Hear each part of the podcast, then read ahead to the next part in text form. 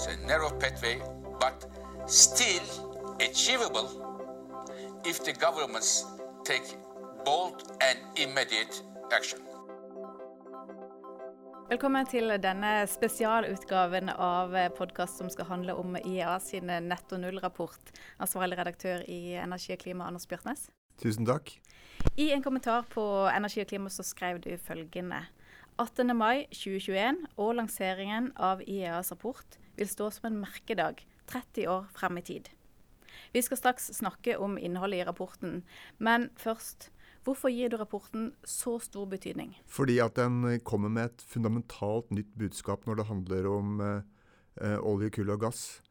Eh, IEA sier nå at det ikke er rom for og ikke behov for ny olje-, kull- og gassutvinning utover det som skjer i eksisterende felt. Dette er helt nytt. Det forandrer rammene for fossil industri verden over. Og Hvorfor kommer denne rapporten nå? Ja, Den kommer tror jeg nå fordi at det har vært et ønske fra mange hold. Og den inngår i et, i et omfattende eh, diplomatisk og politisk oppløp fram mot eh, Glasgow-toppmøtet til høsten. Der det er en sånn, nærmest sånn frenetisk diplomatisk aktivitet med konferanser og reiser og møter og det ene med det andre hele tida. Og den, denne rapporten her inngår som et veldig viktig kun, felles kunnskapsgrunnlag for det arbeidet som, som nå skjer fram mot Glasgow og under Glasgow-toppmøtet.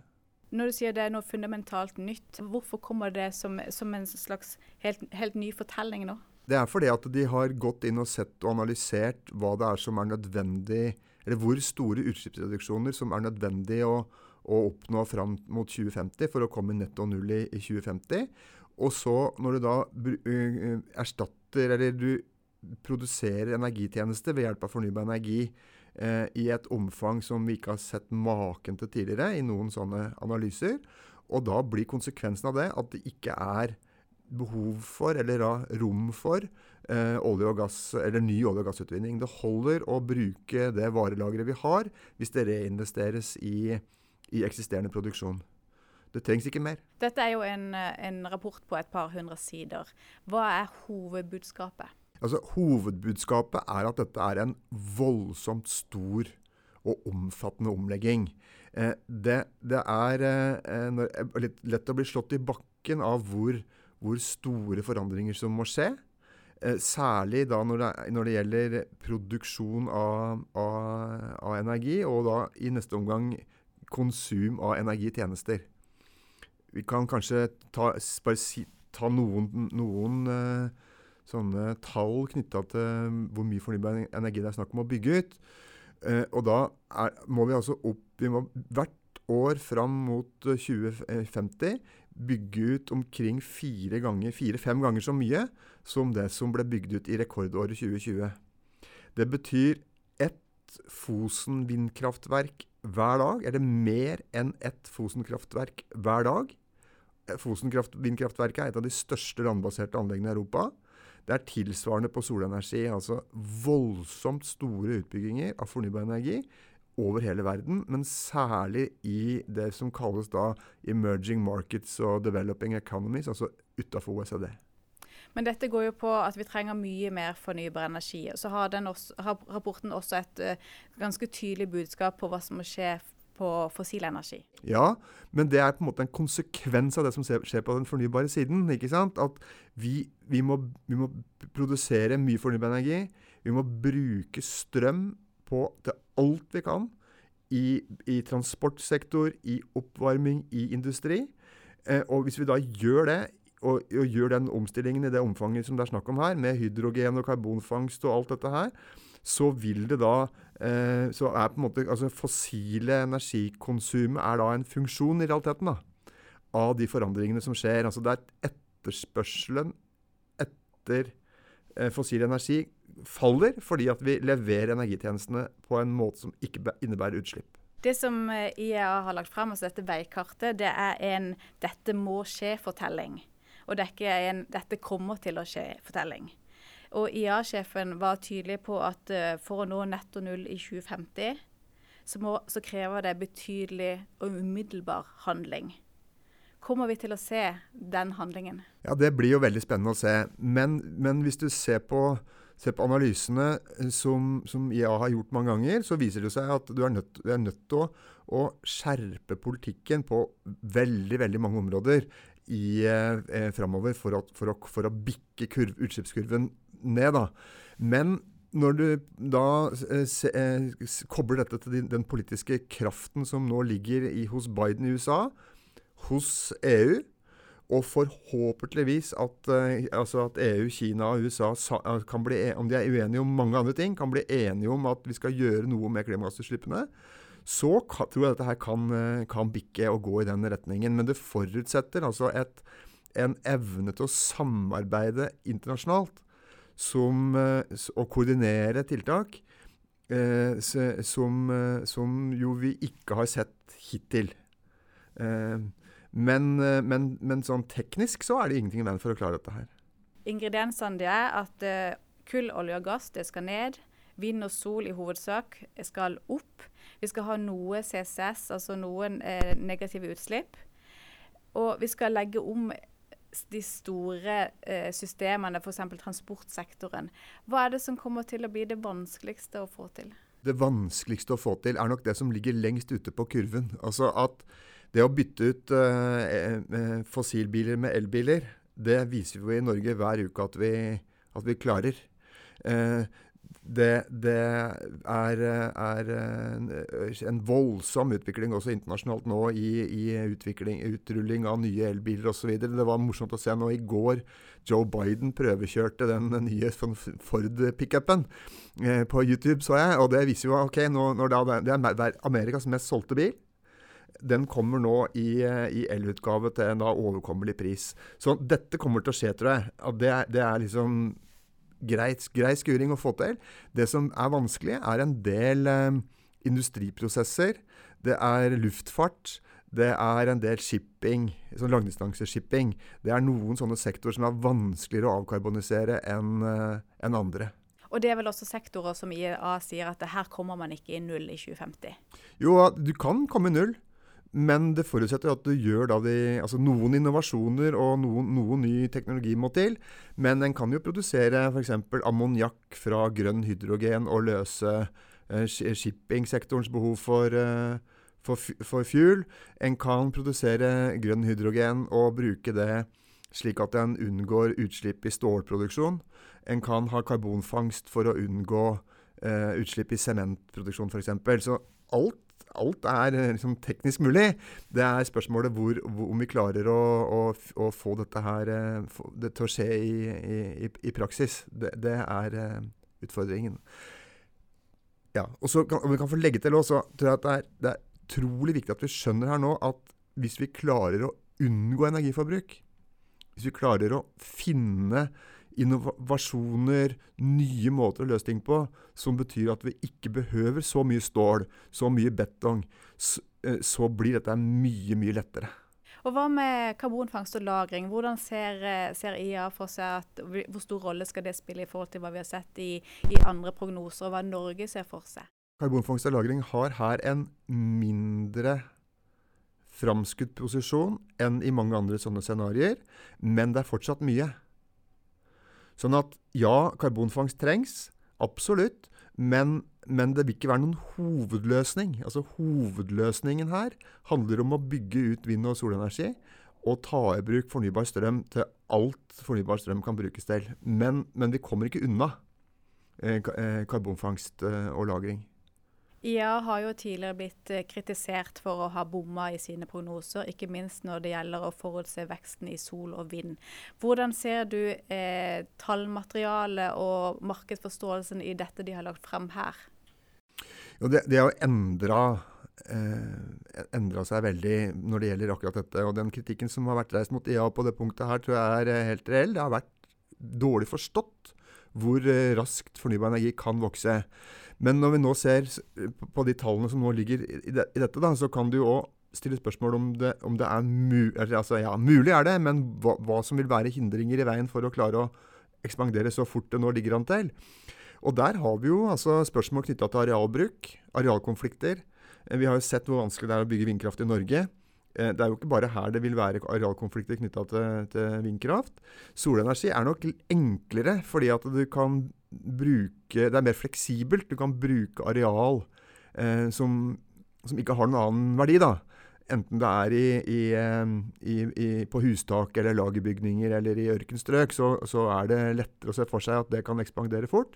Men det er én side ved det, altså arealkonflikter. Den andre handler om, om behovet for, eh, for, kobber og mangan og kobolt, og en, altså mineraler som på en eller annen måte inngår i, i produksjon av solceller og vindmøller, f.eks.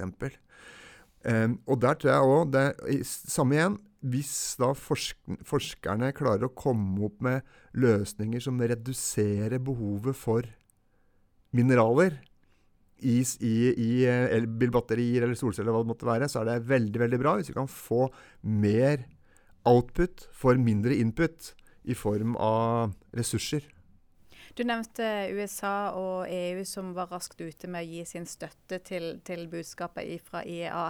Men hvordan blir dette mottatt eh, ellers i verden, altså i Asia, i Brasil og i Russland? Ja, det er nok begge deler, for å si det forsiktig. Altså, jeg tror at den, den støtten som, uh, som, kom fra John Kerry og fra Frans Timmans, EUs klimasjef, her nå da dette ble lagt fram, det, det indikerer at dette er noe som USA og EU nå er veldig oppfatter seg å være, være i, tjent med at kommer på bordet. Altså Uten at de dikterer eh, hva IA skriver på noen måte, så er det samsvar mellom hva, de, hva USA og EU mener, og det som kommer ut der sånn i det store bildet.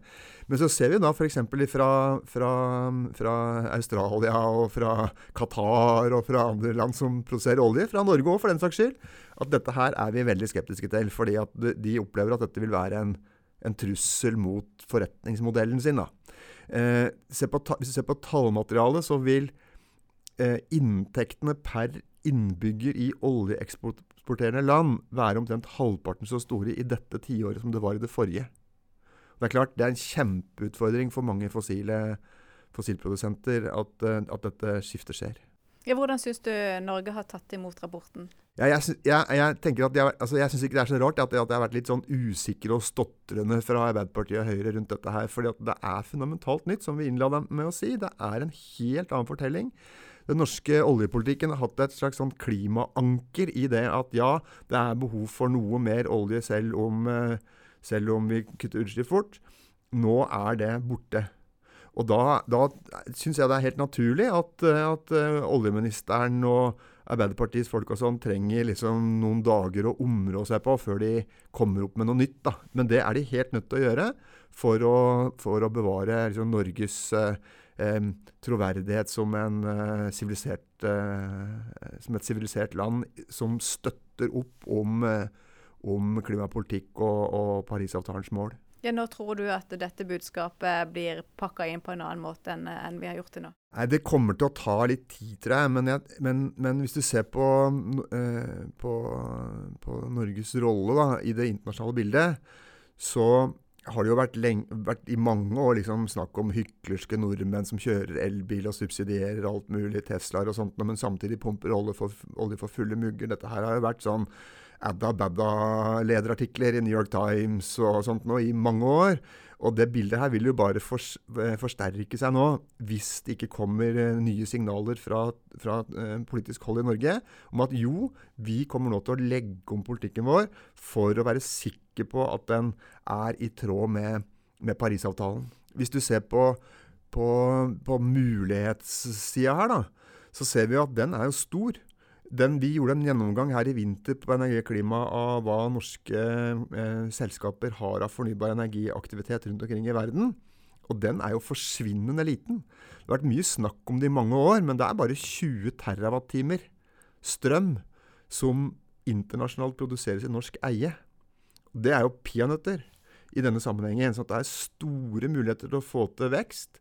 Eh, I offshore vind, i solenergi, i, fortsatt i vannkraft også. Vindkraft. Altså, og vi har selskaper. Det er Scatec og Statkraft og Equinor og mange som holder på med dette her. Og, og, de bør jo få beskjed fra politiske hold om at nå gjelder det bare å gønne på og, og, bygge ut så mye dere kan rundt omkring i verden. At vi stiller virkemiddelapparat og alt sånt til, til, rådighet for at det skal være lett å ekspandere fort.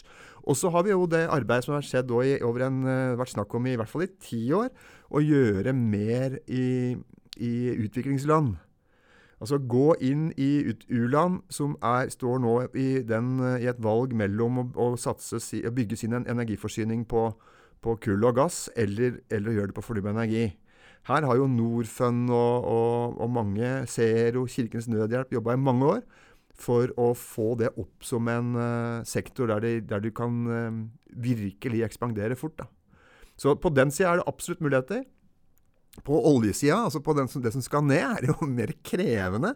Eh, det, det, jeg tror at, eh, at, en sånn kombinasjon av, av det å stoppe ny leiting, eh, i alle fall i sånn u, altså, jomfruelige områder, da, nå ligger det jo inne i den 25. konsesjonsrunden at det skal leites etter olje helt nordøst i Barentshavet, altså i den gamle gråsonen. Få stoppa dette her og sagt at vet du hva, dette her vil vi ikke mer. Få sagt at, eh, at eh, vi, vi, kan Altså, jeg har brukt begrepet klimavern. Som, en, eh, som, et konsept. ikke sant? At du kan si at nord for en, visst, uh, viss, visst, punkt, så, så, sier vi at det, dette skal vi ikke røre. Eh, og, og, kanskje ta noe initiativ overfor andre oljeproduserende land om å gjøre noe i den samme, samme gata. Det tror jeg er fullt mulig, sammen med, med, med tiltak som begrenser eh, eh, leiting og nyinvesteringer. Uten at det egentlig koster norsk økonomi så mye. Um, så SSB har jo regna på dette her og sier at det er ganske begrensa altså effekt da, for økonomien. Velferdsstaten står og faller ikke på om vi vi leiter eh, etter mer olje. Det, det er stor risiko knytta til nye, nye prosjekter. Eh, og den risikoen har jo da blitt større etter denne rapporten. Ja, sin eh, rapport om, eh, om, netto null i 2050 det er én vei til å komme seg til målet. Men f.eks. i IPCC så har de jo flere scenarioer som, som, eh, som går til, til netto null. Eh, er det en risiko for at man i Norge prøver å finne en måte å slippe unna dette med at man må stanse produksjonen såpass mye raskere som man, eller stanse leiting da, såpass mye raskere som man kanskje hadde trodd? Jo, det vil, altså Jeg tror at eh, det nå er veldig spennende diskusjoner som foregår i, i styrerom og, og i, i, politikken og i embetsverk både her i landet og i, i andre olje, oljeproduserende land. Hvordan skal vi forholde oss til dette? Hvordan skal vi eh, være, være, eller sørge for at vi, vi eh, opptrer i samsvar med det som er Parisavtalen. Altså, vi kan ikke liksom være bad guys i dette gamet her. Det kan vi ikke. Eh, vi må finne en, en uh, form på politikken og på strategien som er, er, i tråd med det som er Parisavtalens mål, på ordentlig. Men, men, men, uh, og, men akkurat hvordan eh, dette kommer til å se ut, det, det syns jeg er veldig vanskelig å svare på. Første, en første beskjed da, om, blir jo når Equinor legger fram ny strategi om noen uker. Det blir veldig spennende å se. Han, Anders Opedal er jo på mange måter valgt uh, ny konsernsjef i Equinor på en slags grønn agenda. Og hvor fort de vrir sin aktivitet. Altså får de Kommer de nå til å vri sin aktivitet i fornybar og grønn retning fortere enn de har planer om pga. dette? blir jo interessant å se. Jeg forventer du at Equinors sin strategi vil være i tråd med dette scenarioet? Jeg, jeg, jeg, det det syns jeg er fryktelig vanskelig å svare på. Men de vil jo Altså, investorene Pensjonsfond, eh, institusjonelle investorer som Equinor og andre oljeselskaper er avhengig av støtte til. De har jo også lovd at de skal ha eh, Paris Aligned Targets, eller hva de kaller det, altså netto null-mål, for sine porteføljer. Og betyr det at de vil stille krav om at oljeselskap skal følge dette, dette IA-scenarioet og slutte å lete etter ny olje og gass for at de skal f.eks. Være, være attraktive investeringsobjekter for verdens altså Storebrann og KLP og DNB og uh, California-lærernes pensjonsfond osv. Det er jo et åpent spørsmål, men det blir veldig spennende å se. Og det tror jeg ikke vi får svar på heller før det har gått litt tid. da. Hva forventer du å se av konkrete konsekvenser av denne rapporten på kort sikt? Hvis vi tar verden først, da, så tror jeg at dette vil være med på å underbygge de strategiene og den, det narrativet som ligger både i EUs grønne giv og i Bidens klimapolitikk.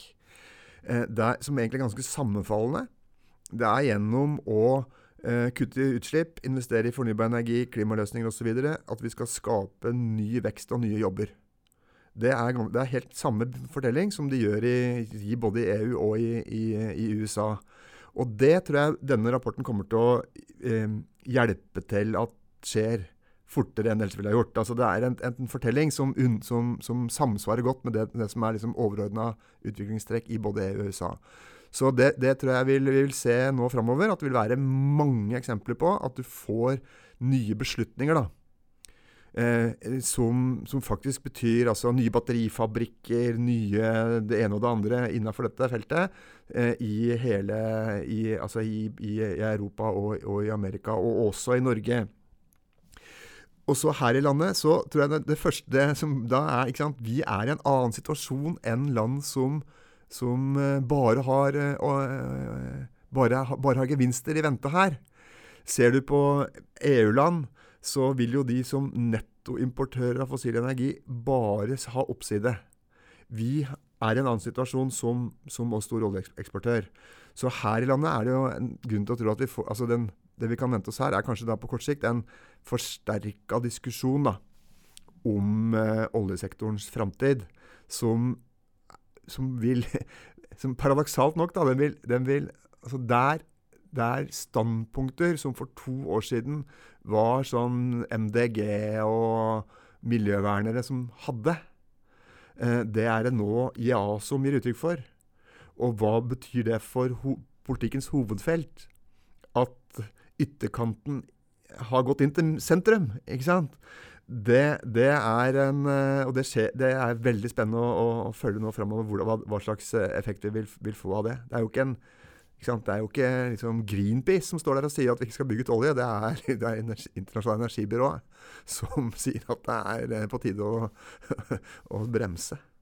Men det blir jo litt sånn eh, konkurranse mellom Høyre og Arbeiderpartiet her. altså Må de gå i takt for å få dette til? Ja, jeg har ment det i mange år, at Høyre og Arbeiderpartiet egentlig er avhengig av å finne en slags sånn felles forståelse om hovedtrekkene i dette her. Jeg tror at, at, det som har skjedd i Arbeiderpartiet over de siste åra, med, med, den enigheten som, som, kom på landsmøtet, der liksom AUF og LO og sånt nå har funnet sammen en slags fortelling om at det er i det nye det er muligheter, den, den uh, tror jeg er, uh, vil gjøre det lettere uh, altså for Arbeiderpartiet å, å, være med på endring. Og du ser jo da, særlig når det da kommer sånne eksempler på at det faktisk investeres i ny grønn industri, da. Ikke sant? så blir dette lettere. At, uh, at klubbformann i Herøya arbeiderforening sier at det blir mangel på industriarbeidere i Grønland, i Grønland. Mangel på arbeidskraft fordi at Elkem nå investerer 10 milliarder kroner i en sånn batterifabrikk. Det er et veldig godt tegn for den utviklinga i Arbeiderpartiet og, og, LO. I Høyre så tror jeg det at den, den altså det, veldig, altså det har vært veldig bevegelse i Høyre òg.